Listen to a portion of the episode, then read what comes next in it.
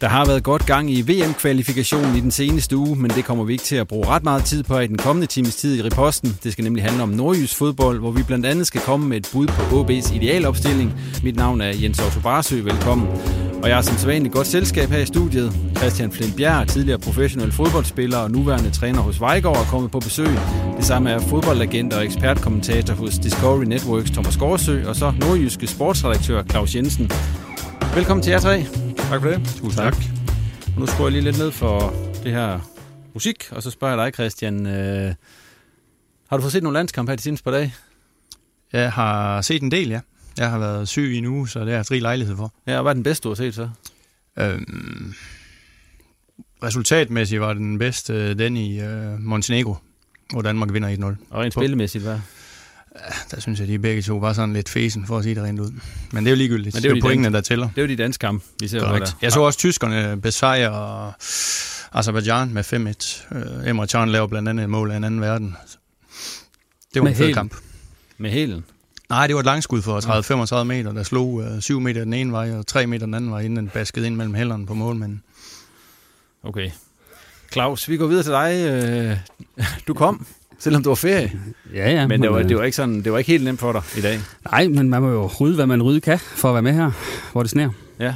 Hvad, er det, hvad var det udfordringerne var her til Ja, men det var lidt med, med børnepige, øh, barnepige, og, og øh, hvem skulle øh, bestemme, hvem, hvad der skulle ske i aften. Var det konen eller mig, men øh, det, blev mig igen. Dig, ja. Det blev mig igen. yes. Hun hører ikke i posten. Nej, det gør hun ikke. og Thomas, øh, Thomas, jeg ved, at du er ude og spille golf med Peter Michael her i mandags. Det er korrekt. Og hvordan gik det? Jamen, det gik øh, ikke så godt i mandags i forhold til den forrige mandag, kan man sige. Øh, vi har været afsted med, med spillerforeningen til, til noget DM i golf for, for fodboldspillere, som vi holder en, en gang om året, hvor vi er øh, 24 spillere fra øh, alle mulige alders øh, grupper. Men øh, det, er, det er virkelig, virkelig sjovt, at Spillerforeningen der arrangerer det sammen med Made in og øh, vi hygger os, og masser af gode gamle historier, og så selvfølgelig også konkurrencen, der kommer frem i, i golfen, og der vandt Vestholdet igen i år. Tillykke med det. Tak for det. Ja, og de gode historier, dem får vi nogle af senere for dig også. Det ved jeg. Og så fløjter for så går vi i gang øh, med programmet, og øh, vi skal lige sige, herinde vi kommer for godt i gang, hvis der er nogen, der hoster her undervejs, så er det Christian, fordi han har, han har rejst sig fra sygesengen, og vi er glade for dig her, Christian, og du skal være velkommen til at hoste lidt indimellem. Det er bare, så man ikke undrer Jeg skal sig. prøve at beherske mig, men mange det, tak. Det er godt. Vi skal som sædvanligt først snakke om OB, øh, og øh, jeg har bedt jer, jeg har givet jer en opgave i den her sammenhæng, øh, fordi OB i sæsonens første 11 Superliga-kampe, der er de højst stillet med den samme opstilling, to kampe i træk, og de har så også skiftet system i et par kampe, og som jeg har talt det frem til, så har de haft otte forskellige startopstillinger i de her 11 kampe. Det er der sikkert mange gode forklaringer på, og sikkert måske også nogle mindre gode, men øh, jeg har bedt jer om at komme med, med jeres bud på en idealopstilling. Men allerførst, øh, Thomas, hvorfor så mange forskellige opstillinger, tror du? Jamen, det er en blanding af mange ting. Altså, selvfølgelig slutningen på sidste sæson, som ikke var særlig god, og man var lidt nervøs for, hvordan starten ville være her, så man får nogle nye øh, indkøb ind i truppen, som skal integreres, og, og så skal de selvfølgelig prøve sig så bliver Okora starter egentlig fint, men bliver skadet. Øh, Pallesen har, har været fornuftigt øh, spillende. Men man famler lidt, fordi jeg tror, man er bange for, at man, man havner lidt i den samme situation, som man, man sluttede sidste sæson af med, og derfor prøver man lidt forskelligt, og i og med at resultaterne heller ikke var, var prangende i starten her, så, så tror jeg, at, trænerne træneren er, er nødt til at, at prøve at skifte ud og prøve forskellige folk. Øhm, og det virker jo så også til, øh, inden for det seneste i hvert fald, at Vihorst han, han fandt et, et, en, en opstilling, som, som var mere stabil. Det kan godt være, at, at sejrene først kom senere hen, men, men det begyndte at blive mere stabilt i, i OB, og øhm, nu snakker man ikke så meget om, om krise i øjeblikket. Christian, du er selv træner. Hvordan er det at skulle skifte så ofte? Nu, er det heller ikke, nu skal jeg sige som OB, det er jo ikke sådan, de har skiftet fem ud hver gang. Nogle gange har der bare været et par spillere og så videre, men hvordan er det at skulle, skulle skifte i sin startopstilling så tit? Jamen, vinder du kampe, så er det det nemmeste i verden. Øh, så kan du holde flere i gang i truppen, og det er også vigtigt. Men øh, lige på, i det her tilfælde, jamen, så tror jeg da helt sikkert, at trænerteamet rigtig gerne vil prøve at finde 11 mand, der fungerer sammen og, og køre det igennem uge efter uge at der så dukker karantæne op og småskader her og der, jamen det, det er det, man altid, øh, det, den udfordring står man altid overfor. Men jeg tror, det er fuldstændig rigtigt, som Thomas han siger, at man har, man har famlet lidt efter det, og man har ikke lige fundet det, der virkelig passer. Øh, det håber jeg, at man, øh, man kommer til relativt hurtigt. Claus, hvor, hvor tæt tror du, at jeg er på at finde noget ude i OB, der virkelig er, er det, der bliver det, der skal, det, det skal være? Jamen, det er et godt spørgsmål, for noget tyder også på, at Vikhors i en høj grad kigger på, hvem øh, man skal møde, og lidt sætter opstillingen derefter. Man kan jo se, at de her to svære udkampe mod Brøndby og, og FC Midtjylland, der vælger han at stille med, med tre mand i forsvaret, eller, eller reelt med fem måske, fordi de to bakker øh, ligger ret dybt i forhold til, at man skulle kalde dem midtbanespillere i den formation. Så, så der har han jo gået ind og ændret på, på opstillingen. Dyb, dybest set også et udtryk for, at, at han er ikke helt sikker ved det hold, han har, og den formation, han har, og derfor vælger ligesom at, at spille med ekstra liv og Marcela i det der udkampe. Øh, så jeg tror egentlig ikke, at man kommer til at se Vikors køre det her efterår færdigt, sådan nogenlunde med de samme folk. Jeg tror, han kommer til at famle eller skifte, alt efter hvad for et udtryk man vil bruge, øh, også i forhold til, til modstanderne. Er det godt, Thomas? Det viser i hvert fald, at han har en usikkerhed omkring hans, øh, hans trup. Altså, han ikke tror nok på sit eget øh, materiale og sit eget koncept lige nu. Øhm, for hvis han gjorde det, så ville han også være stedig nok til at sige, at jeg har de her spillere, øh, 11, 12, 13 spillere, og det er dem, jeg satser på. Altså, han bruger jo mange flere, øh, som vi har været inde på. Så, så altså, jeg vil ikke sige, at det er svaghedstegn, men, men på et eller andet tidspunkt, så bliver han også nødt til at finde en konstellation og bruge den i flere kampe i, i træk. Og det er jo selvfølgelig også nemmere, når resultaterne begynder at blive bedre og mere stabile. Altså, så kan han også ture og, og, og blive ved med at holde stort set den samme øh, formation, hvis han kan i forhold til skader og karantæner. Jeg har bedt jer om at, ligesom at komme med jeres bud på, hvordan OB's øh, startopstilling kunne se ud, hvis man nu havde alle til rådighed. Og det er jo øh, en dejlig situation, hvis man havde det, men det har man jo også meget sjældent som, som Morten Vikhorst. Og også det system, der så skulle spilles efter i OB. Og øh, jamen, skal vi starte med dig, Christian? Det kan vi godt. Hvad, hvad er du kommet frem til, hvis du nu sad øh, der, hvor Morten Vikors gør? Hvem vil du så starte med i? Det er jo, det er jo dejligt nemt, for vi sidder, vi sidder langt fra deres træningsbane og, ja, og, det er jo, og hygger os, og det er det, det, er det vi gør her. Jamen, jeg har, jeg har valgt en 4-2-3-1, øh, og jeg har kigget på deres trup, da jeg gjorde det, øh, hvorfor nogle typer, der passer. Øh, og for at komme direkte til, øh, hvordan jeg vil stille op, eller hvis det var mig, ja. øh, jeg vil have René i mål. Så vil jeg have Pallesen på højre bak, og jeg vil have Alman på venstre. Så vil jeg holde fast ved Kasper P. og Jakob Blåbjerg inde i midterforsvaret. Så vil jeg spille med en tomands defensiv midtbane, der hedder Rasmus Wirtz og Philip Lesniak. Foran dem vil jeg så have tre offensive midtbanespillere, der kan flytte, der kan skifte, der kan rotere. Og der vil jeg bruge Oliver Abilgaard, Kasper Risgaard og Edison Flores. Og så vil jeg have Pavel Safranco helt frem. Og hvad vil det give OB? Hvis de spiller ja, det, sådan her? det er godt, altså, det, ja. det er et godt spørgsmål. Men altså, jeg er en stor fan af, af Abilgaard. Ham øh, synes jeg, der har været optræk til rigtig lang tid. Jeg ved godt, han har været skadet nu, ja. men øh, nu kan vi jo tillade os at se bort for alle de ting der. Øh, Rigsgaard synes jeg er en af de få midtbandspillere, der har bevist, at han kan lave mål, når han kommer lidt fra en lidt dybere position. Øh, og i og med at fritage ham lidt fra de defensive pligter, jamen, så, kan han, øh, så kan han fokusere på det. Flores er jeg sikker på, altså hvis man kan skyde øh, sit eget land til VM, øh, eller være med til det, så, så er der et eller andet mere i den der bitte mand. Og jeg tror på, at han, øh, ja, vi kommer selvfølgelig ikke lige ind i den periode, den tid af året nu, hvor at han fungerer allerbedst. Men lad ham få to sæt øh, lange underhylder på, og, og et par handsker og en hue, øh, så tror jeg, der er meget i ham der. Og så Franco har man jo købt. Man købte også en, en Silvestre, som man må ikke have fidus til. Øh, Safranco skal have tilliden og skal have tiden, og tror jeg også øh, vil komme til at lave mål. Du nævnte Oliver Abelgaard, som jo ikke rigtig, han er ja. skadet, han har været skadet i øjeblikket, ja. og har været lidt ude af holdet, og, ja. og, og når han har været der, så han, han har aldrig ikke bidt sig fast, heller ikke før, da han ikke var skadet. Men hvad, hvad er det, han kan, synes du? Jamen, jeg synes, han... Øh, jeg synes, han er en teknisk dygtig spiller, der kommer godt rundt. Han har en god fysik. Han spiller, han spiller som om han er ældre, end han virkelig er. Øh, jeg synes, der er et godt touch på bolden, og øh, de kampe, jeg har set ham spille, ikke? nu er det i hvert fald længe siden, han har spillet på det her niveau, men der synes jeg altid, han har leveret. Jeg synes altid, han har været dygtig, og der var jeg fidus til ham. Du har ikke en uh, Joris Okora med i den her Nej, sammen? det må jeg lige indrømme, det har jeg ikke. Jeg synes, de to andre er bedre. Jeg har, jeg har lidt svært ved at se, at Joris han kan komme op, eller han har vist det niveau, som han har haft tidligere. Øhm, og jeg er i tvivl, om han kan komme, komme det igen. Hvad tænker I andre om øh, Christians opstilling, inden I får lov til at komme med jeres egen? Jamen, det er jo et uh, frit bud, kan man sige. Ja, altså, jeg er jo egentlig også uh, okay fan af Oliver Abelgaard, men jeg ser ham udvikle sig til at være en god sekser i, forhold til at være 8 og offensiv. Jeg synes, han har lidt for store bevægelser til at spille i små rum, og jeg tror, han er en klog spiller, og jeg tror egentlig, han vil kunne på sigt... Uh, kunne blive så disciplineret, at han ville kunne beskytte forsvaret fint, og så ja, hans boldomgang er rigtig fin, og jeg tror, han vil være god til at sætte nogle, nogle angreb i gang, men det, det kræver også noget tid øh, med ham. Mangler det ikke lidt fart, det hold, du stalt, sat der? Jo, men har de det i OB? har de det? Smider ja, vi ja, det har de jo. De har jo, altså, det snakker man altid om, de har jo Jannik Pohl. Øhm, men er det og, det eneste nej, de har rigtigt? Ja, ja det, det, det, det, synes jeg i hvert fald sådan umiddelbart på, på de offensive pladser, og og, og med Jannik, jamen altså, ja, han er hurtig, øhm, og, og når man snakker med folk rundt omkring OB, så siger de, prøv at spørge hvilket som helst uh, Superliga-forsvar, hvem de helst vil undgå at spille over for, og det er jo så Jannik Pohl. Og det overrasker mig, fordi at, øh, han har jo vist sig at være meget, meget uskarp, så man skal ikke være bange for, at han får bolden. Øh, det kan godt være, at han laver nogle løb, og, og hvad det hedder, og gøre de andre gode øh, i, i den her scene, men for mig der er det for stor en luksus. Man skal have nogle spillere, der kan byde ind med, med, med flere ting, og hvis man angriber, så skal man også score øh, mere end, øh, end tre mål og to af dem på, på straffe. Nu er vi lige inde på det der med fart. Hvor stort, er, hvor stort et problem er det, at OB har så få spillere med fart?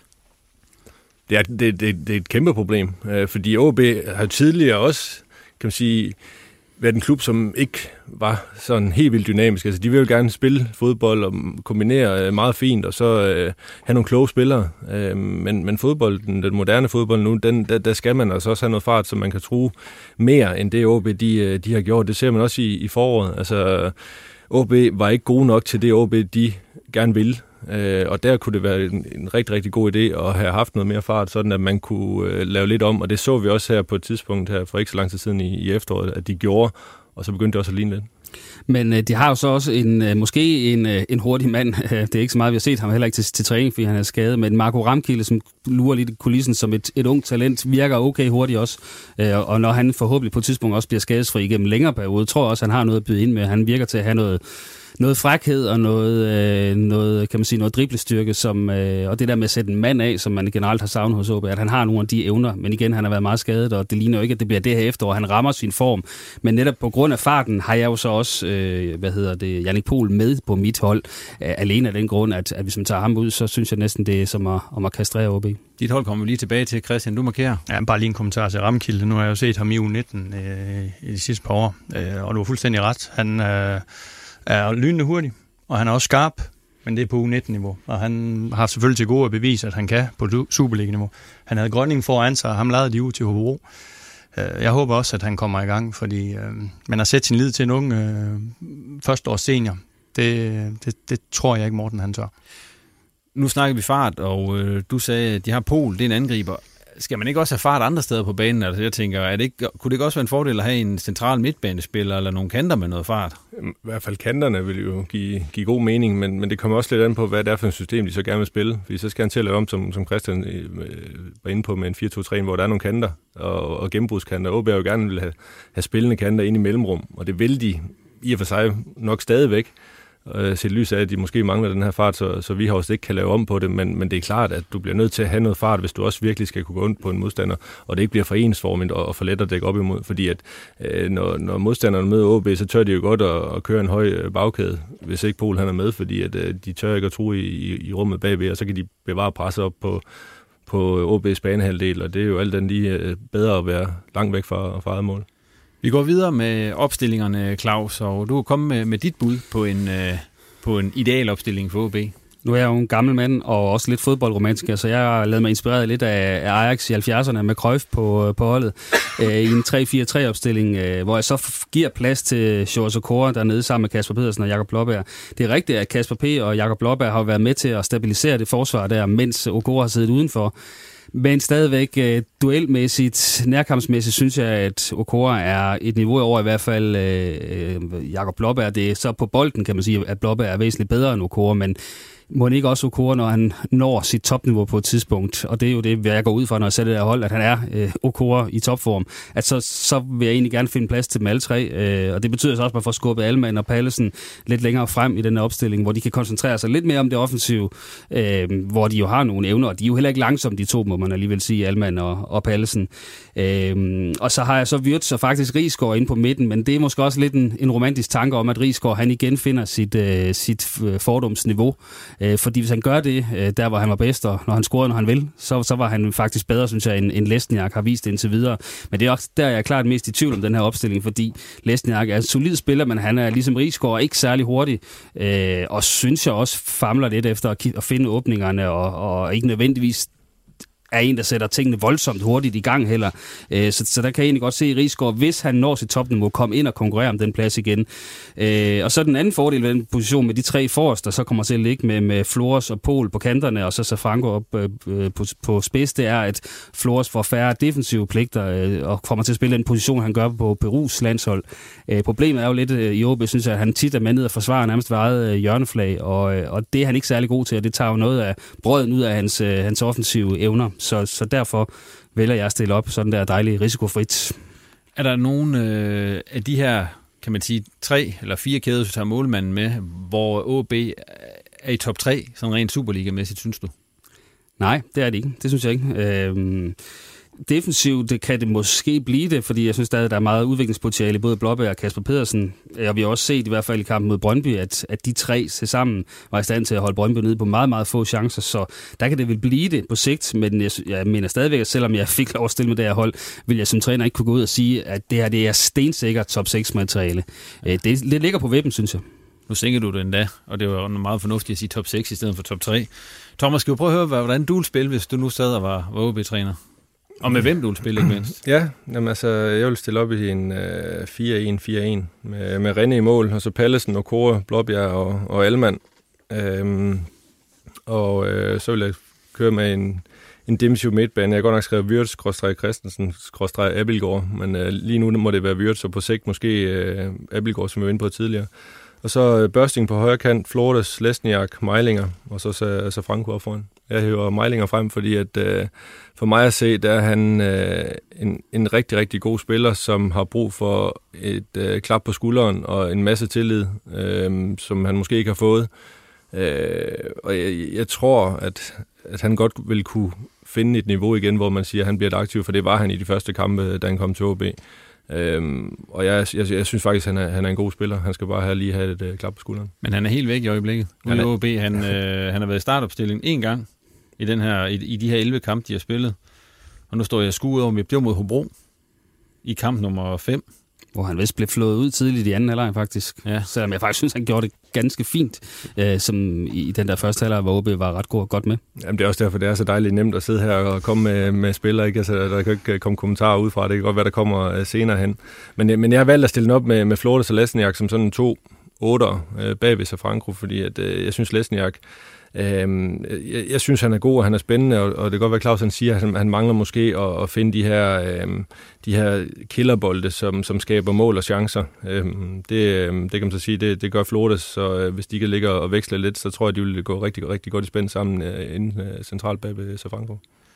Og nu er, vi netop, nu er du i gang med Safranco. Ham skulle vi også snakke lidt om i dag, fordi nu har han trods alt spillet nogle kampe for OB indtil videre. Øh, han er, det er blevet til, til to mål. Et i pokalturneringen, og så... Øh, et i Superligaen. Øh, har han leveret det, som man kunne have håbet på indtil videre? Nej, han har da ikke leveret det, han, er, man har håbet på. Altså, han har scoret mange flere mål.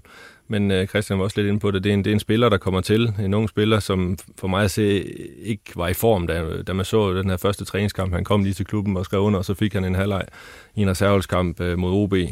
Øh, der lignede han ikke en, der var i form. Og øh, jeg ved ikke hans øh, baggrund nok til at, at sige, hvor god form han er i, men, men altså, jo bedre han bliver, øh, jo flere kampe han får, øh, så er han så også en spiller, som, som jeg vurderer skal have øh, chancer serveret. Altså han er ikke en, der, der dribler tre mand og sparker op i krogen. Og, og der, der er det også derfor, at jeg havde Flortes og Lesniak inde bagved, for jeg føler måske, at, at de kan gøre det. Men med ham her på banen, kan det godt være, der skal du flere bolde i feltet. Øh, også så det er sådan lidt, øh, lidt svært at komme ind på. Men jeg synes ikke, han har scoret nok i forhold til, hvad man kunne håbe, men jeg tror øh, stadigvæk på ham på den lange bane. Christian, hvad synes du, han er kommet med, Safranco? Jamen, jeg er også enig. Altså, det er jo statistisk set er jo selvfølgelig for få scoringer, men igen, han, han er ny, han skal vende sig til tingene, øh, og det er svært at få gang i målscoring på et hold, der kæmper så meget med at få point, som OB gjorde i starten af sæsonen. Øh, Øhm, I og med, at han er så også heller ikke øh, kom i, øh, i, den, i den fineste form, jamen, så har han også kunne, kunne slæbe det med. Og han har helt sikkert haft hans egen kampe på træningsbanen. Men øh, jeg er også helt enig, man skal give ham tiden, og, og så skal man stille folk omkring ham, der hjælper ham. Og så må han så bevise, øh, om, om han er dygtig nok eller ej. Men der skal selvfølgelig flere mål på tavlen.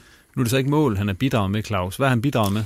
Jamen, øh, han har bidraget egentlig med en del, for han har gået sådan meget, meget rundt på banen og forsøgt at involvere sig i rigtig mange ting, kan man sige. øh, problemet er jo så lidt, at, at det så øh, betyder, at han ikke nødvendigvis altid er derinde i feltet, hvor, hvor OB har brug for, at han står. Øh, så, der, så egentlig så Jannik Polio kan faktisk komme til flere chancer, øh, end, end uh, Safranco er. Pol så brændt de fleste af dem, men, men altså Safranco har også brændt et par store direktører. Han havde en i Brøndby, der var kæmpestor. Han havde også en pæn en mod Midtjylland, hvor han ikke rigtig rammer bolden. Så, så hvis OB skulle have brug for en, der bare sparker mænd no nonsense, når muligheden byder sig, så, så ligner han jo ikke på det her tynde materiale, vi har indtil videre, så ligner han jo ikke manden, der bare er iskold foran kassen. Øh, men han er så en, en der går ind og, og gerne til synligheden mister et par fortænder, hvis det er det, der skal være nødvendigt for at komme for, først på, på hovedet, som på det mål, der scorer mod Lyngby for eksempel. Ikke? Øh, og fansene er allerede begejstret for ham, kan jeg fornemme, fordi han er en, der, der giver sig 100%. Øh, men igen, han, han involverer sig virkelig, tror jeg, lidt for meget, og vil gerne søge lidt for meget tilbage i, i banen, og, og misser dermed nogle gange at være der, hvor, hvor det gør, gør ondt, og hvor han skal være øh, for, for at putte dem ind. Jeg har også lagt mærke til, at der blev gået utrolig mange frispark mod ham. Altså modstanderne. Er det fordi, han er så mange steder hele tiden? Ja, eller så er han god til at dække hans bold jo, ikke? Ja. Altså, eller, men jeg tror, det er vigtigt, det øh, der bliver sagt her, at jamen, han kan godt mærke, at jeg laver ikke de mål, jeg skal, men jeg skal dele med vise fansen, jeg, vil, jeg skal vise klubben, at jeg vil gøre, hvad jeg kan for at komme derhen til. Så jeg synes, det er positivt, den angriber, der løber rundt. Øh, men det er klart, når bolden bliver slået ind, så skal han være derinde. Det siger sig selv, det er hans første prioritet. Hvordan ser den duo, Pol, Safranco, altså det er jo ikke, for, jeg har selv vendt på, vi kan, det er jo ikke ligefrem, fordi der bliver helt mål ind, men altså sådan på sigt, altså, kan det blive øh, en succes? Øhm, jeg vil ikke sige nej, men altså, jeg har rigtig svært ved at se, at Jannik kan, øh, kan slå igennem på det der niveau. Han øh, arbejder en vis lemstil ud af bukseren hver gang. Han kommer til et hav af chancer. Jeg ser bare ikke den, øh, jeg ser killerinstinktet, jeg ser heller ikke afslutningsfærdigheder rent teknisk, som har bekræftet mig i, at det bliver til noget på den lange bane. Øh, og vi kommer jo senere til et eller andet med omskoling, og jeg vil faktisk foreslå, at det var ham, man skulle omskole det til et eller andet, det fordi han, han arbejder virkelig, virkelig hårdt, og det er også derfor, han får tillid og får lov til at starte ind. Øh, men, men topangriber, det bliver han ikke, det tror jeg ikke på. Det er lidt, det er lidt underligt, ikke? fordi da jeg startede med at se uh, Jannik spille som U17-spiller, der for mig ligner han en rigtig naturlig afslutter, og han scorede mange mål i, i ungdomsniveau. Og så kommer vi tilbage til det med, med Ramkilde også, ikke? så det er, det er et, et andet step, når man bliver seniorspiller, og, og man, man kan godt shine i ungdomsårene, men det er bare noget andet, og, og den transformation føler jeg heller ikke, at, at, at Jannik han har, han har taget. Øhm, jeg ved, at klubben tror rigtig meget på ham, og han har, ja, han har nogle rigtig, rigtig fine kompetencer, men som angriber, der skal du bare score mål. Og med de chancer, han har haft, og ikke har scoret, så, så kommer tvivlen også her. Men jeg er så naiv at tro, at altså, jeg vil ikke opgive ham endnu. Altså, jeg har ham også inde øh, under den her omskolingsting, skal vi slet ikke skal snakke om endnu. Men altså, jeg, jeg har ikke opgivet ham endnu, og, og man kan jo være lidt positiv og sige, at han har scoret øh, i en kamp i træk i hvert fald, fordi han scorede sidste gang. Øh, øh, og det var måske sådan lidt lukke øjnene og skyde chance. Men der gik ind, og jeg tror, det, det kan betyde alverden for ham. Og det der med at afslutte, det er jo et eller andet sted også noget, man kan træne til et vist punkt. Altså, jeg ved, Thomas Enevoldsen også i, i den her det her efterår, hvor han bankede kasser ind øh, fra, på samlebånd sammen med, øh, sammen med øh, Litaueren op foran for Spalvis, ja. Det er ikke meget, vi hørte sammen her på det sidste.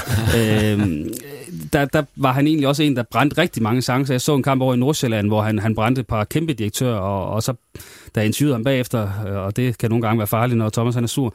Øh, men øh, han bandede og svoglede og sagde, nu går jeg kraftet hjem, og så øver jeg det her 400.000 gange, for det er bare for dårligt det her. Og så gik der lige en måned, og så begyndte han at sparke dem ind for en side af. Jeg ved ikke, om det var, det var bare, fordi han øvede det, men man kan trods alt nå langt med det.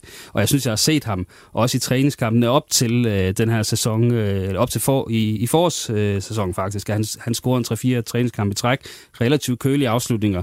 Og han har altså haft mange skades øh, afbræk i de sidste to år faktisk, hvor han både var ude med kyssesyge, og så har han fået fibersprængning og så videre. Så derfor er jeg ikke parat til at opgive ham endnu. Hvis han får et langt kontinuerligt forløb og får lov at bygge på, øh, også, så tror jeg faktisk, at han kan, kan bidrage. Så kan man sige, at kan OB råd til at give ham den snor, Tja, det er et godt spørgsmål, men, men et eller andet sted, så, så tror jeg også, at modstanderne synes, at han er en pain in the ass at have, have at spille for. Altså lidt ligesom Josef Poulsen den anden dag for, for a så i første halvleg, hvor jeg, jeg tror, mange skrev, at han var elendig. Men jeg tror, hvis man kunne have spurgt rumænerne, hvem de gerne ville pille ud, så tror jeg, de har peget på ham, fordi han var irriterende, fordi han, han var der hele tiden øh, og, og smadrede igennem i det hele. Øh, og det, det betyder altså også noget. Okay. Det kan godt være, at øh, vi snakker om, at Pol og uh, undskyld, så Franco, de ikke scorer mange mål. De er også en angriber, der scorer endnu færre mål. Det er så Jakob Sylvester.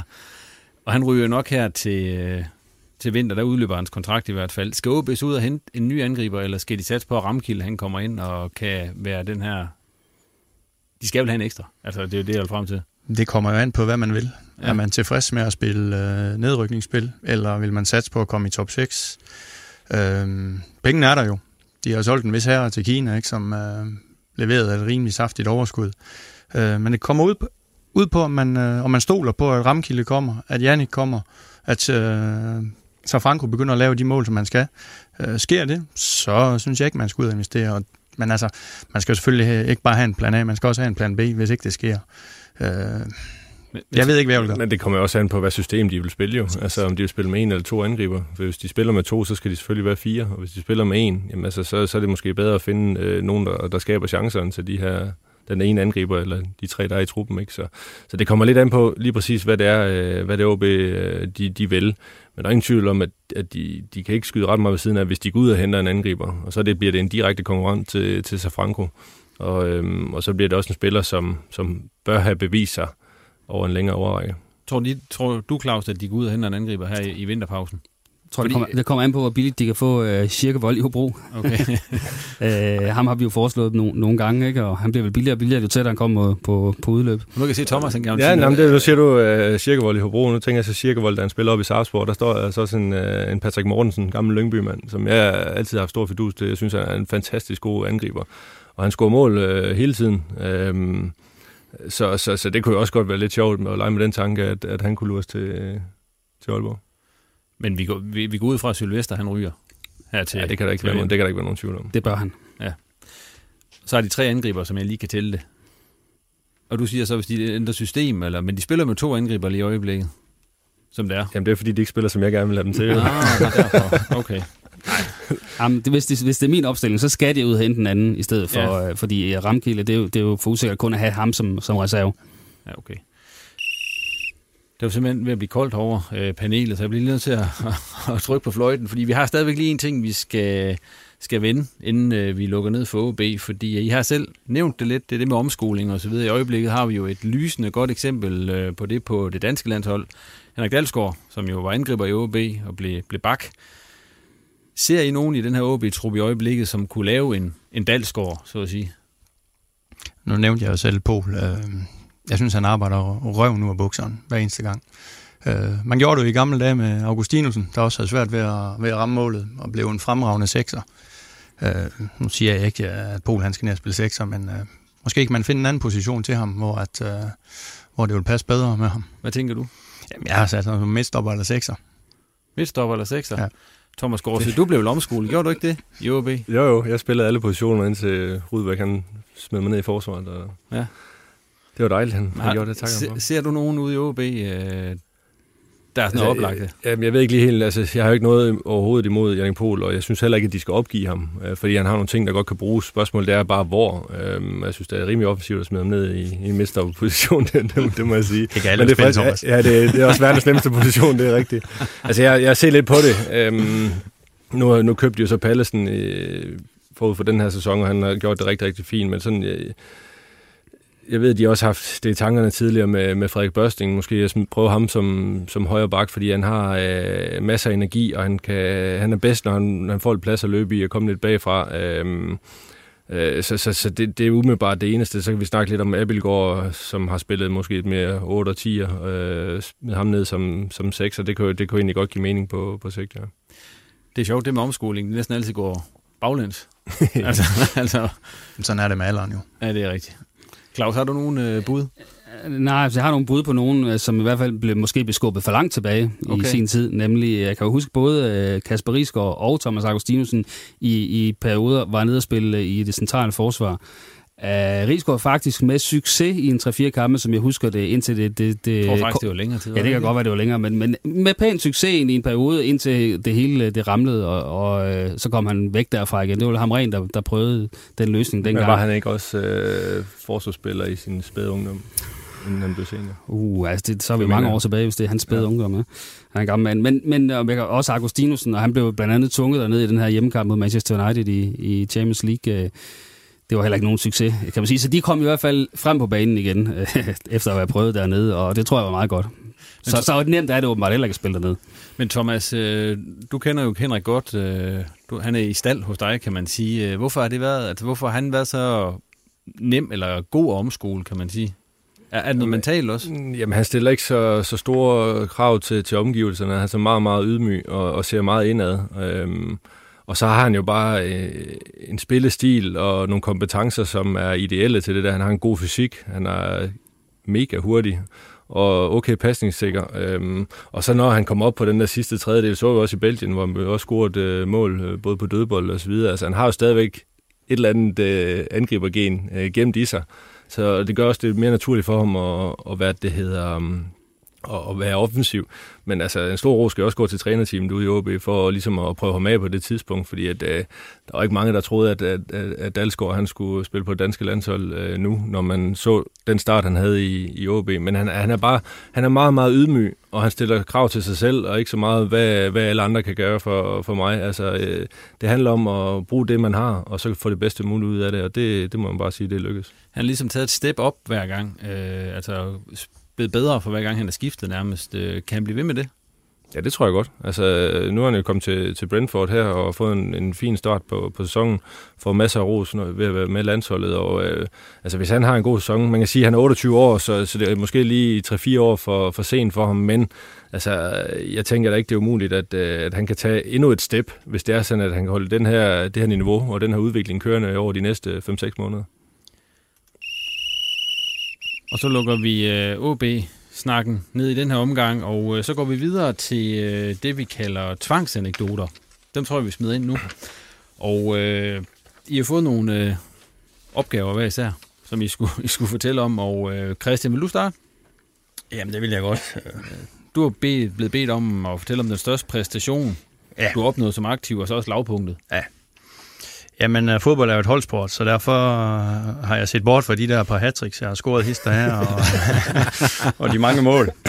Øh, jeg var så heldig i år 2000 at spille på et hold i Norge, der hedder Greenland, som, øh, som vandt den norske pokalfinale. Og den norske pokalfinale, den har en utrolig stor værdi i Norge. Det er en fest, det er ikke bare en festdag, det er en fest weekend Øhm, og i den periode, hvor jeg var deroppe, der vandt Rosenborg jo nærmest med bind for øjnene 25 år i streg, eller sådan et eller andet. Ej, i hvert fald 10. Ja. Så den eneste mulighed, man havde for at vinde noget, det var ved at vinde pokalturneringen, og det har jeg været så heldig at, at prøve at løfte den pokal. Og man da, som ham, der scorede sejrsmål til 2-1. Så der var mål med i det alligevel? Ja, ja, det var der. Ja, det var der. Det var der. og lavpunktet, Christian? Jamen, lavpunktet, det... Øh, jeg troede aldrig, jeg skulle prøve at rykke ned, men øh, da jeg var i Tisted FC, der sådan lidt ligesom nu, var vi flyvende i første division den første sæson, og i anden sæson, øh, da der resterede seks eller syv kampe, der var vi rigtig, rigtig mange point fra nedryk. Øh, men det endte desværre sådan, at vi tabte rigtig mange kampe i streg.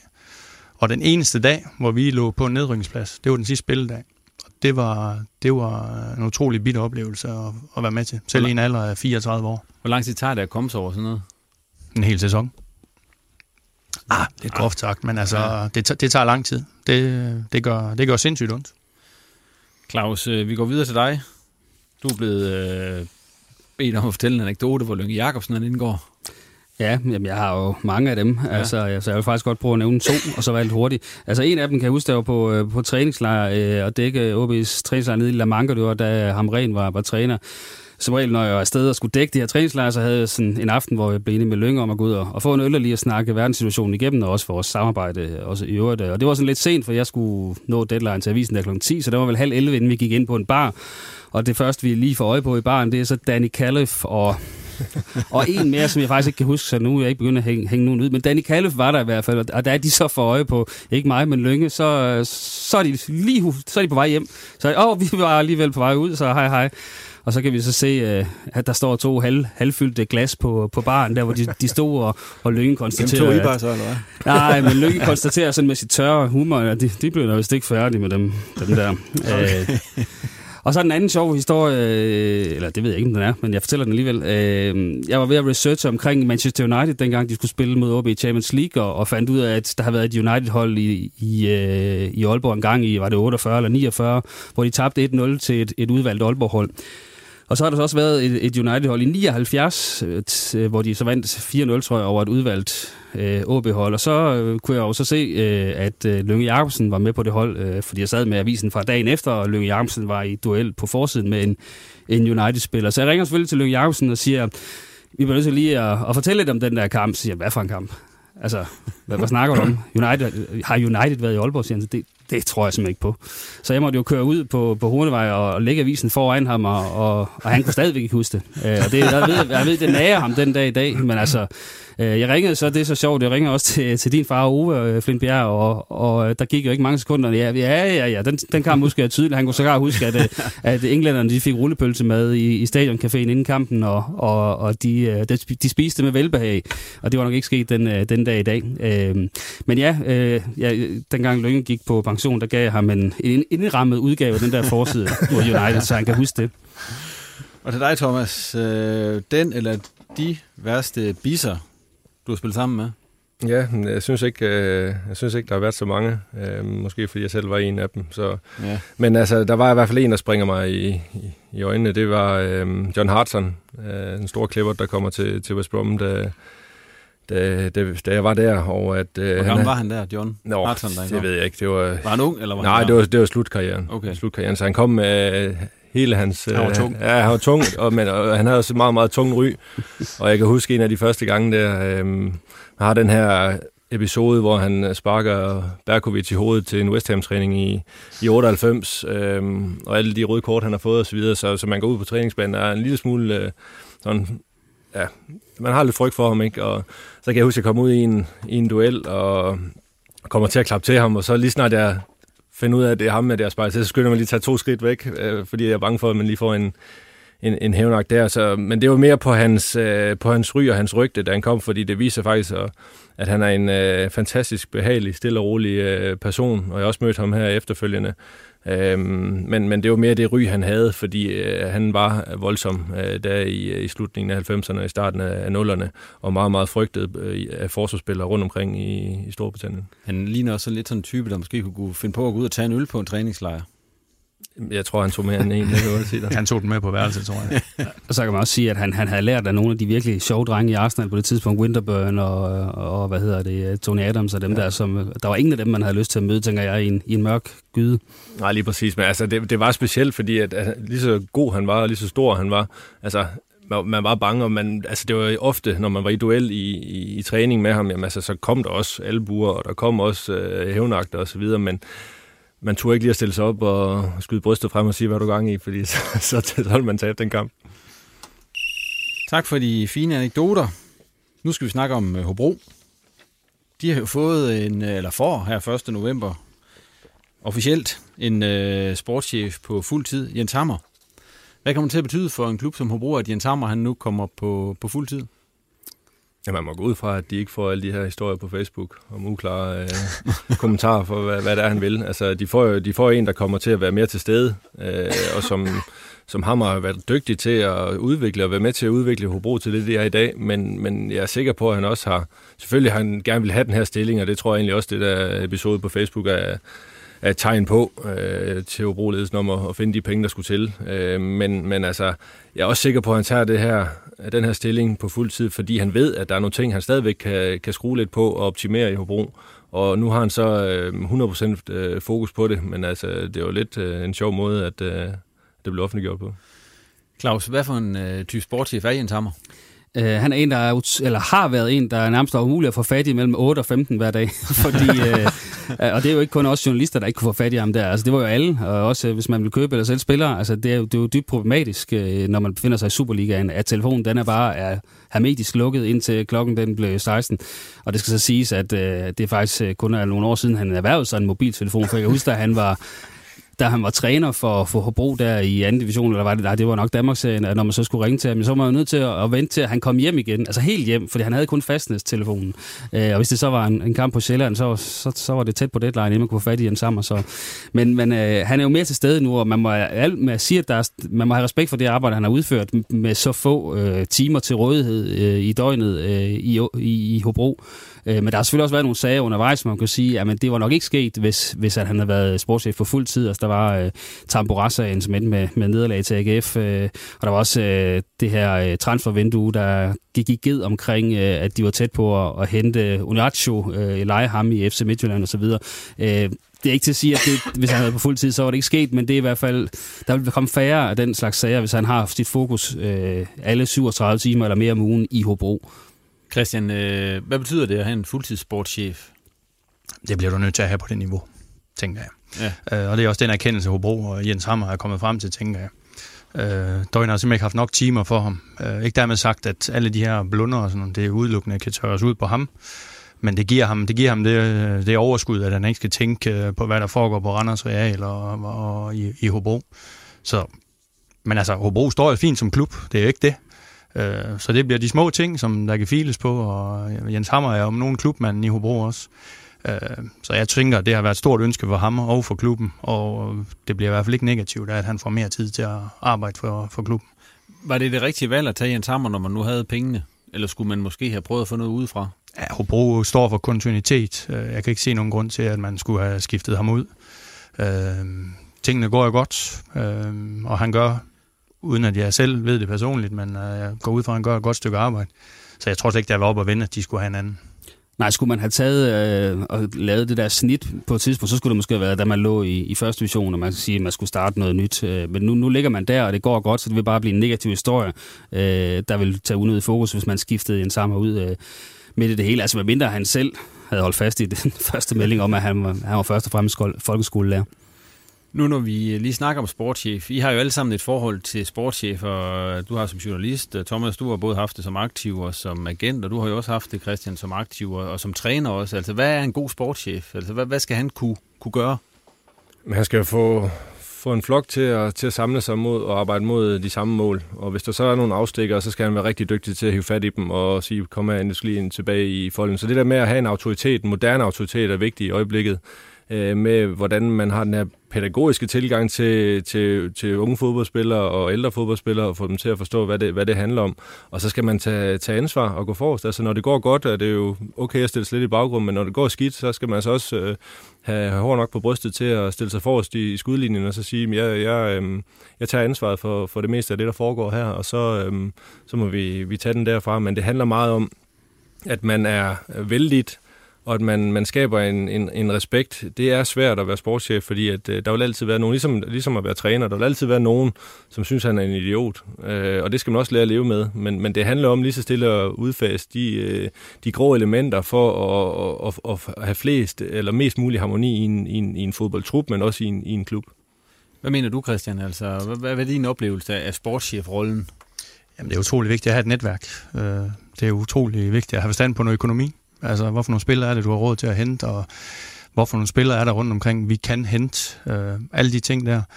Øh, som Thomas siger, øh, hele tiden være, være den, der, der, der tager fat, når tingene ikke går dårligt, men også trække sig lidt tilbage, når det går godt. Og så være et godt makkerpar med træneren. Altså stå bag træneren, stå ved ham øh, og hjælpe ham i de øh, situationer, der måtte opstå. Jeg skal ikke gå ind og blande sig noget taktik eller noget, men selvfølgelig er det fint, hvis han har forstand på fodbold, og træneren, hvis han har lyst til at spørge, og det gør de jo selvfølgelig på det niveau, jamen så går man hen og snakker fodbold med ham også, så det er vigtigt, at, øh, at de også kan bidrage lidt der. Claus, øh, i en klub som Hobro, altså i OB for eksempel, som jo er den anden Superliga-klub her i Nordjylland, der er Allan Gorte, han blev jo kritiseret hele tiden. Altså, der, de skal jo ikke spille anden tre dårlige kampe, dem han køber, så er det fejlkøb og, og det ene og det andet. Altså, hvor stort det pres er en Jens Hammer under i Hobro? Han er under en, en, en brøkdel af det pres, som Gorte er, fordi der er bare ikke det samme fokus øh, på Hobro, og øh, det kan godt være, at øh, der er mange i Hobro, der, der synes, at øh, det er interessant, men, men mange i Hobro, hvad er det? det? Hvis det er 1000, så er det 10 procent af byen. Hvis du så har 10 procent af Aalborg, der, der lever under for OB, så er det altså bare, øh, så er det altså bare et helt andet tal. Øh, så, så, så han lever jo lidt i en, en osteklokke derinde, for der står ikke en helt masse fans, der er klar til at, at forlange hans hoved på, på et fad. Heller ikke på de sociale medier, der er Hobro-fansene øh, nærmest øh, ikke til stede, så jeg tror måske, de mange af dem er, er, er plus 50-60, og de er i hvert fald ikke på Twitter, nogen af dem, eller, og heller ikke ret mange af dem på Facebook, så, så der er ikke den samme, øh, slet ikke det samme fokus fra fans øh, heller. Der er så til en vis grad fra, fra et medie som Nordjyske for eksempel. Øh, men men det, det, det er stadigvæk det i forhold til fansene, tror jeg, at det er ret afgørende, at, at man har en form for arbejdsro. Og det får Allan Gorte aldrig, det får Allan Gortes afløser heller aldrig. Thomas, kan man mærke forskel på, når man arbejder med Jens Hammer og Allan Gorte, at, de er i, at der er forskellige pres på dem?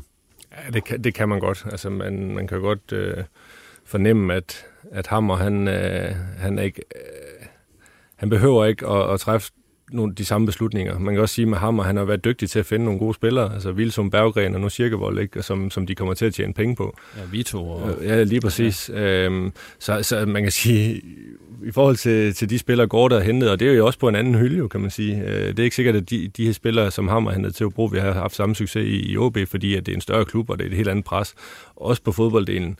Men altså, jeg synes nu også, at Gorda, han... Øh, han forsøger at, at, at tage det øh, overfra og ned. Altså det, det er, det er, han, er ikke, han går ikke i panik, selvom at, øh, at, at, at folk de prøver at få skovlen under ham. Øh, men Hammer, han, øh, det er rigtigt, det er som om han er i den her lidt øh, helt sikre osteklokke, ikke? at der er ikke rigtig nogen, der kan, der kan røre ham. Og det, det må man også sige, at altså, der kan man godt komme til at diskutere med Hammer, hvis det er sådan, at man ikke lige øh, siger det, han, øh, han gerne vil høre. Øh, på den måde kan han godt være, jeg vil ikke sige primitiv, men, men lidt sværere at at, at håndtere i forhold til, til Gorte, som man egentlig godt ved, hvor, hvor, hvor man har ham. Og dermed lukker vi snakken om sportschef og Jens Hammer og går videre til øh, Tisted FC, sensationsholdet i, i første division. Dem kender du, Christian. Du har i hvert fald været deroppe. Jeg har været der i mange år, ja. ja. Bare der i syv år som spiller og som træner. Ja. Dejligt sted, dejlig klub. Øh, lærbytter, som det hedder i folkemunde. Et stadion, som er gearet til det niveau, de spiller på nu. Øh, og det har været under byg- opbygning i, i flere år. Og det glæder mig rigtig, rigtig meget at se, at Tisted de, de brager derud af. Nu kommer udfordringen selvfølgelig nu, øh, for jeg tror, de kommer til at køre det her igennem helt ind til, ind til pausen. Øh, når de så kommer på ferie, og de begynder at træne igen, jamen, så kan godt være, at der er nogle af de her gutter, der kigger lidt mere på tabellen, og bliver en lille smule mere nervøs, så får de lige pludselig noget at tabe, og det har de på ingen måde nu. De har alt at vinde hver eneste gang, de går på banen. Hvad er det for en ånd, der er deroppe i Tisted, siden det, det kan lade sig gøre et eller andet sted? Der er en stor vi-følelse. Der er en følelse af at, at have et forhold til hinanden. Det er at bekymre sig om ham, du sidder ved siden af i omklædningsrummet. De er kammerater, de går ud, jeg ved, de har en gruppe, der går ud og spiller golf hele tiden. Øh, de laver en masse ting sammen socialt, som, som også er utrolig vigtige, og de hygger sig med hinanden. De kender hinanden på, på både de, de gode og de dårlige sider, og accepterer hinanden, som de er øh, spillere, som har spillet op i mange år, og så har de hele tiden været dygtige til at hente, øh, hente nogen til. Ikke? Jeff Mensa hentede man ind, øh, som også har fundet hans niveau igen og leverer rigtig fint derop. Så øh, det er fremragende gået. Selvfølgelig er det også overraskende for mig, de ligger nummer et. Øh, første division, den er stærk, men øh, det er et stærkt hold, det er det, og en rigtig, rigtig dygtig træner. Hvordan kan det i hele taget lade sig gøre, Thomas? Altså, de træner en 3-4 gange om ugen øh, mod fuldtidsprofessionelle. Altså, hvad er det, der gør, at det, det, her det kan ske stadigvæk i, i, i første division? For mig at se, så, så oser det bare glæde ved at spille fodbold. Øh, det er, det er gennemsyret i, af dem alle sammen, øh, eller i dem alle sammen. Og så har de nogle rigtig, rigtig gode faciliteter deroppe, øh, som også er, er værd at køre efter for de drenge, der bor i, i Aalborg. Øhm, og så kan det også sagtens hænge lidt sammen med, at, at de her unge mennesker, de, har, de, får noget, de får noget spotlight lige i øjeblikket. De gør det godt, de, får, de gør sig fortjent til at få positiv omtale. Men jeg tænker, at samtlige de her spillere, de kunne godt tænke sig at blive professionelle fodboldspillere. Og hvis det er sådan, at, at de bliver ved med at køre på og skabe gode resultater, der kommer endnu mere bevågenhed omkring Tisted og mere fokus på spillerne, så bliver de også mere interessante, og så kan det jo godt være, at nogle af dem øh, de lykkes med at få. Så de har, de har den her gulderod foran sig hele tiden, at, at jo bedre de præsterer, så kan det også være, at det bliver dem, der prøver at komme til at spille i en professionel klub. Men Claus, de har jo også snedet sig lidt under radaren indtil videre, fordi at det, nu begynder snakken at komme omkring Tisted og så videre. Og vi har jo også snakket om det herude på Nordjysk, altså det kan jo ikke blive ved, siger vi jo hele tiden, ikke også? Men altså, det har vel også været en, en fordel for dem, at der ikke har været noget, øh, noget pres på dem på den måde. Ja, nu ligger de jo så nummer et, øh, selvom de har været tæt på, så ligger de nummer et, og det er sjovt, det ændrer lige pludselig også fokus øh, fra, kan man sige, de der medier øh, og platforme uden for Nordjylland, at nu begynder folk for alvor også at snakke om, om Tisted, og hvad, hvad er det dog, der foregår derop? Øh, og det, der først og fremmest foregår, er vel kontinuitet, altså det er jo stort set det samme hold, som, øh, som var suverænt i anden division. Øh, og så har de jo spillere, som man bare nødt til at nævne Mikkel Lager og Sonny Jacobsen op foran. De har lavet 14 ud af de 23 mål, øh, de har scoret. Øh, så hvis man pillede de to ud af holdet, så så, så vil det se lidt skidt ud. Og de to alene, mener jeg sådan set, har, har niveau til Superligaen. Øh, og det bliver vel så den store udfordring også. Altså, kan de, øh, kan de væbne sig med tålmodighed? Kan andre klubber øh, risikere at komme allerede her til januar og, og, og snuppe dem? Øh, det tror jeg måske, de har en chance for at holde på dem, hvis de ligger nummer et eller deromkring her til, til pausen. Så tror jeg måske, med den holdfølelse og det der vi-fællesskab, de har også, at, at de kan give anden hånd på, at vi kører det her til enden, øh, og så, så må vi se, hvad der sker til sommer, fordi det ville jo sikkert være sjovt nok at, at komme op og spille Superliga med, med Tisted.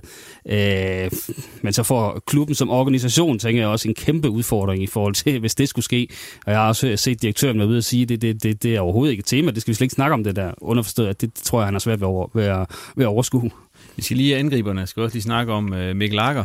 Hvorfor spiller han stadigvæk i Tisted? Det var fordi, han ikke øh, helt slog igennem i, i Esbjerg. Altså, han kom jo fra, fra Tisted til Esbjerg, da jeg var dernede også, og der var ingen tvivl om, at, at Mikkel han er målnæse. Altså, han, øh, han er en af de mest naturlige afslutter, jeg har, har set. Øh, men, men han, var, han, han manglede noget modenhed i sit spil, og træffe de rigtige beslutninger, vide, hvornår at han skulle lade bolden være, og sørge for at finde en position, hvor han så kunne blive farlig i. Øh, jeg tror, at han er meget mere gearet nu til Superligaen, end, end han var øh, for, for de der 3-4 år siden, 5 år siden, han var i, i, i Esbjerg, for der var han alt for, for umoden. Øh, han har fået lidt mere hår på brystet, tager mere ansvar nu, og, og, og han scorer altid mål, det har man jo set, når han er i Tisted. Så øh, jeg tror, han, øh, jeg tror, han bliver svær at holde på, hvis ikke for en Superliga-trup, så, øh, så i hvert fald for en af de store første divisionsklubber, hvis man kan sige det sådan. Hvad siger du, Christian? Jamen, nu kender jeg ham jo personligt. Ja. Jeg havde ham også som træner i Tisted, og en, en helt vanvittig effektiv afslutter. Øh, men det Mikkel han havde brug for på det tidspunkt, han havde levet professionelt i et par år, øh, var lejet ud til Vendsyssel, var lejet ud til Horsens, lige præcis, øh, og var i Esbjerg. Han fandt ud af, hvor hårdt det er at være professionel fodboldspiller, og at man har brug for tryghed, og man har brug for tillid, og det får man ikke. Det er noget, man skal gøre sig fortjent til, når du er i en Superliga-klub. Øh, så vi hentede, eller man hentede ham tilbage til, til Tisted, og der fik han alle de ting. Og så kom han i gang igen, fik selvtiden op, og nu har han selv været med til at sparke Tisted op, og han er blevet mere moden. Men Mikkel siger også selv, at øh, han bliver heller i Tisted, i stedet for at tage til en Superliga-klub og sidde på bænken. Og det fortæller jo bare, hvor godt han har det deroppe. Altså, han er, øh, man har kaldt Elkær borgmester i Verona. Altså, Mikkel Lager også tæt på at være borgmester i, øh, i Tisted. Men det viser også, at han er en tryghedsnarkoman. At han hellere Absolut. vil det, i stedet for at sige, Absolut. jeg tror så meget på mig selv, at jeg kaster mod i det, hvis der Præcis. kommer en Superliga-klub. Men, øhm. men jeg tror også, øh, jeg tror også, han er klar til, men det skal være det rigtige. Og han er så meget klubmand, at øh, han vil sørge for, at Tisted også får en chat penge for ham, fordi han ved godt, hvor meget han skylder Tisted FC. Øh, så ja. Man udløb til sommer, så, så skal det ske. Jeg ved, de arbejder på for længe. Ja, okay. det vil også give mening. Vi lukker lige Tisted-snakken her, fordi at øh, tiden den flyver afsted, og øh, vi skal også lige nå at snakke om Vejgaard og Christian Flint Bjerg, og hvad han laver derude. Ja, jeg træner fodboldhold. Ja, det gør du. Hvordan endte du i Vejgaard? Jamen, øh, hvordan ender man i Vejgaard? Jeg fik en, øh, en opringning fra en øh, herre fra fodboldudvalget i Vejgaard. Det endte med, at vi fik en, øh, sat os ned og holdt et, en, en snak og et møde. Og en lille uge senere, så, så sagde jeg ja til at blive Vejgaard-træner. Det har jeg ikke fortrudt et eneste sekund. Hvad er det, der gør det? At du ikke har fortrudt det? Jamen det gør det, at jeg hver dag kommer... Eller i hvert fald er glad for det. Ja. ja. På Danmark så kommer jeg til nogle rigtig fine faciliteter. Der er en, øh, en fodboldbane, der er ved at skabe sig et, øh, et ry. Ikke? Den bliver kaldt Sophie Road i fodboldmunde. Øh, jeg kommer til et omklædningsrum, en flok drenge, der også elsker at være sammen, elsker at komme og træne, øh, elsker at klaske hinanden til træning, og altid har godt humør på, og drikker en bajer i omklædningsrummet bagefter. Det sociale har utrolig høj vigtighed også. Men når de går på banen, så vil de gøre alt for at vinde. De vil hellere tage på to kvartænder, end de vil miste tre point. Øh, og det er fedt. Øh, en relativt ung trup. Øh, der blev mistet en fem spillere, inden sæsonen begyndte. Tre stamspillere og en målmand. Øh, det gjorde selvfølgelig svært, men øh, der er nogle andre, der er vokset ind i det, og jamen, PT ligger vi jo to på ingen efter Holstebro øh, på anden pladsen. Så det ser, det ser rigtig fornuftigt ud. Det er jo en hemmelighed, at du har spillet fodbold på, på højt niveau mm. øh, som, som aktiv, og du har også, øh, som sagt, du har trænet i divisioner og så videre. Havde du nogle krav til Vejgaard, før du ligesom ville, ville gå med på det her? Nej. En grøn, en grøn bane, øh, masser af bolde og nogle spillere, der er sultne. Hvordan er det så gå fra, nu kom du fra, fra AGF, hvor du har været træner for U19-holdet dernede, og så til VB. Altså, hvor, hvor er de største forskelle? Ja, det er sgu svært at sige. Fordi ja. når du står inde på træningsbanen, så er det de samme ting, du arbejder med. Men det er alt det udenomkring. Øh, det er super fedt at leve af at være fodboldtræner på ungdomsniveau, men lige specielt i AGF, jamen, du bruger utrolig meget tid bag computeren. Du sidder utrolig mange, til mange møder, og specielt u 19 i en, øh, i en eliteklub, jamen der har du nogle gange 10-12 spillere at træne med. Der er nogen, der er oppe med Superliga-holdet, der er nogen, der er afsted til dit øh, reserveholdskampe og alt muligt. Øh, så det er en stor udfordring. Øh, ikke dermed sagt, at det har skræmt mig, men jeg var bare pt. et sted i livet, hvor jeg ikke ville ofre al den tid på det. Og derfor var Vejgaard helt ideelt for mig. Det er jo et hold, der rykker ned fra anden division, du tager over på. Hvad, hvad, hvad er projektet derude nu? Jamen, der er ikke noget projekt, for at sige det rent vi, vi går på banen hver eneste weekend øh, med en forhåbning om, at vi vinder og gør vores bedste for at vinde. Øh, og vi har ikke snakket noget målsætning eller noget som helst. Altså jeg, jeg og spillerne ønsker at blive dygtigere hver eneste dag. Øh, der er også noget socialt i det. Øh, men vi går ikke på kompromis, når vi spiller kampe. Øh, men vi tager en kamp ad gangen, som uh, der var kommet et rigtig kedeligt kliché her. Ja. Og så må vi se, hvad det, hvad det bliver til, når vi engang er færdige. Men det lyder til på dig, at du, du nyder det her, altså fodboldlivet på den her måde. Ja, jeg elsker det. Jeg har genfundet glæden ved at være fodboldtræner igen. Uh, og det, det er det vigtigste for mig. Og så fik jeg også lige lov til at møde FC Nordsjælland, sådan ud af... Ja, det var en fantastisk oplevelse for gutterne. Uh, 1050 mennesker var inden for portene på, på Sophie Road deroppe. Vi, vi fik selvfølgelig en, en fodboldlærerstreg, men øh, Silkeborg kasserede også fire mål mod Nordsjælland på, var det 20 minutter? Øh, vi gjorde, hvad vi kunne. Desværre lavede vi to øh, relativt tidlige personlige fejl, som, som gør, at vi kommer bagud. Men vi har faktisk fire kæmpe store chancer, som vi med lidt mere skarphed og lidt mere dygtighed øh, havde scoret på, og så kunne det godt have blevet sjovt. Claus, du er oppe og se øh, den kamp der med, med FC Nordsjælland og Vejgaard. Øh, kunne man, øh, Christians glæde for og ligesom at, at være på, ved, ved fodbolden smittet, det er på den måde, Vejgaard spillede på? Jamen, jeg tror, at alle i Vejgaard var ekstra glade den dag, fordi det var jo ligesom, øh, altså det var jo stort set den, den største kamp i Vejgaards historie, og Vejgaards historie, den er lang, så, så det siger ikke så lidt endda. Øh, og så kan man jo se, man kunne se på det hold, altså de var nervøse, da, det, det, det, da kampen blev sat i gang, og, og egentlig rigtig begynder at føle sig komfortable, så er de jo bagud 2-0, men derfra synes jeg faktisk, at, øh, at de viser at de i, i nogle perioder kunne kyse øh, Nordsjælland og, og kommer specielt ud til anden halvleg som skudt ud af en kanon og, og har to kæmpe chancer hvor efter Nordsjælland så scorer på deres første mulighed. Så det, det, det er meget sigende. Men, men jeg tror også, det må være en kamp, man har kunne bruge til noget i forhold til Danmarksserien og sige, jamen altså, kan vi være så godt med i faser af en kamp mod, mod Superliga-hold? Hvad, hvad kan det så ikke blive til, hvis vi kan ramme det samme niveau på, på Danmarksserien-niveau? Og det kan jo så blive til en topplacering, kan vi se, når vi kigger på, på tabellen. Og, og et eller andet sted skal, øh, nu snakker du ikke om at rykke op og sådan noget, men, men altså Aalborg bør jo have mindst et hold mere end OB i divisionerne. Helt enig. Og det skulle gerne være Vejgaard så, Christian? Ja, meget gerne. Vi, vi siger i hvert fald ikke nej, og vi, øh, vi mangler ikke ressourcer og faciliteter, hvis vi skulle rykke op i anden division. Det er vi givet til. Hvad hedder det? Hvordan er det sådan ligesom at skulle trække spillere til en klub som Vejgaard? Er det let nok? Nej, det er ikke så let. Øh, vi har jo hverken... Øh, stort budget at lokke med, eller noget som helst. Øh, vi, har, vi har et rigtig fint omklædningsrum. Vi har en god social klub, øh, der gerne vil øh, tilbyde nogle faciliteter også, som er gode at træne på. Vi er afhængige af folk, der kommer til byen og studerer. Vi er afhængige af, at nogen de et eller andet andet sted ikke lige får den spilletid, de skal have. hos os får de ikke en krone, de betaler deres støvler selv. så vi kan, ikke, vi kan ikke lokke med noget som helst, men det er også det, er også det fede ved det. Men der kommer spillere, og jo flere kampe vi vinder, jamen jeg, bare så sent som i dag, er der en tysker, der har skrevet over, over Messenger til mig, at han gerne vil komme og prøve træne, så det glæder mig til. Hvad er planerne for dig, Christian? Altså, hvor længe skal du være i, i Vejgaard? Jamen, øh, i hele min karriere har jeg ikke lagt planer langt frem. Uanset om jeg har haft en fireårskontrakt eller en toårskontrakt, der har jeg altid kigget meget kort frem. Det gør jeg også her. Jeg tager en halv sæson ad gangen, og så må vi se. Lige nu er lysten øh, driven, den er, den er til det her. Og så må vi se, øh, jeg har en aftale på to år, så må vi se til den tid, øh, hvad det bliver til. I skal i hvert fald held og lykke derude, Christian. Vi krydser fingre for, at øh, Vejgaard de går tilbage i, i anden division allerede til næste sæson. Og vi, hvad, nu er vi ved at være ved vejs ende, men vi mangler et vigtigt punkt. Det er runden med tøjhylere. Og Thomas, du er lov til at starte. Nu har Christian lige stået og snakket så meget, og han skal passe lidt på stemmen. Ja, nu, ja. Du er også begyndt at hoste over i øvrigt. Så, ja, det, det smitter. Jeg har et par stykker. Øh, men, to? Øh, ja, men øh, jeg skal jo vælge en. Jeg tænker, Jeg, jeg, jeg giver en, øh, en rigtig positiv tårhylder til Harry Kane. Altså nu lægger mit, øh, eller engelsk fodbold mig meget på, på hjerte. Ikke fordi han spiller i Tottenham, men øh, fordi det han har præsteret målløs igen i august måned, øh, for så i, i de efterfølgende 10 kampe score 15 mål, og i 8 kampe i september 13 mål.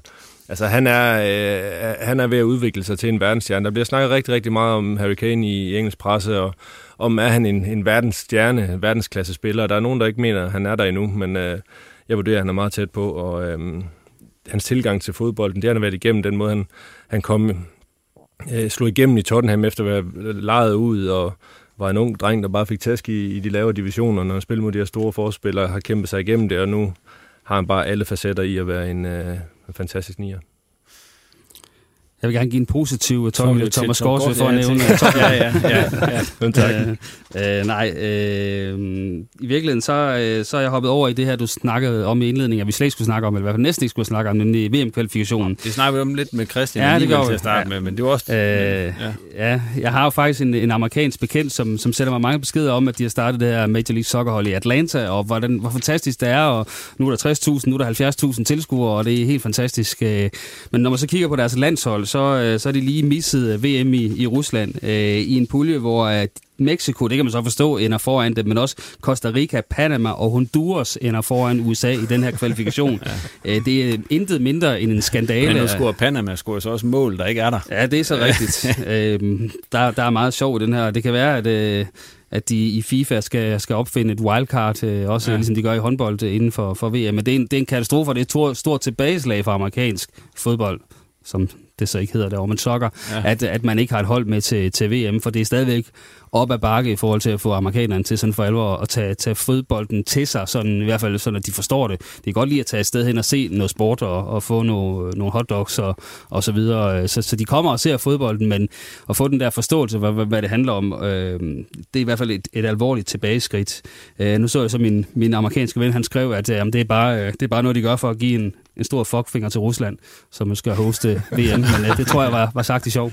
Og Christian, du har lige taget et, øh, et halsbolde, så du lige kan få Ja, jamen, det komme kører. igennem tårhylderen. Det kører. Yes. Jamen, øh, jeg tager fat i det evige tema omkring øh, Niklas Bentner. Nu har jeg også selv fulgt ham en del i norsk fodbold, og har lagt mærke til, at selvfølgelig målene de begyndte at, at komme lidt oftere. Øh, alligevel blev jeg voldsomt skuffet over ham i, i landskampen, hvor at jeg synes, at man kan se, at der er lang vej endnu for ham. Øh, Øh, den friløber, han får, det går jo... Altså, jeg tror seriøst med mine 14 skruer i foden, at jeg kunne have løbet lige så stærkt. Han når engang at få afsluttet. Og så er der bare det at sige til det, at når han spiller, så spiller øh, Christian Eriksen, vores ubestridt største stjerne, så spiller han bare rigtig, rigtig skidt. Og det er fordi den kære Niklas Bentner, han, øh, han løber ned og tager alle de rum, som Christian han egentlig skal bevæge sig i. Uh, så ja, uh, lad os få ham på bænken igen, hvis vi overhovedet skal have ham med på landsholdet, og lad os bruge uh, Cornelius og Andolberg, og så, uh, når der forhåbentlig kommer gang i Jannik Pohl, så lad os få ham med der. på, på, som midterforsvar, eller hvad? Nej, som angriber. okay. Ja, så er der ikke mere på programmet denne gang. Tak til gæsterne for indsatsen, og tak til dig, fordi du lyttede med. Ris, ros og gode idéer, det modtager vi som sædvanligt gerne på Twitter og Facebook. Og hvis du kunne lide, hvad du hørte, så abonner endelig på programmet, og del det også gerne med andre, der går op i nordjysk fodbold. Vi er tilbage igen om et par uger. På genhør.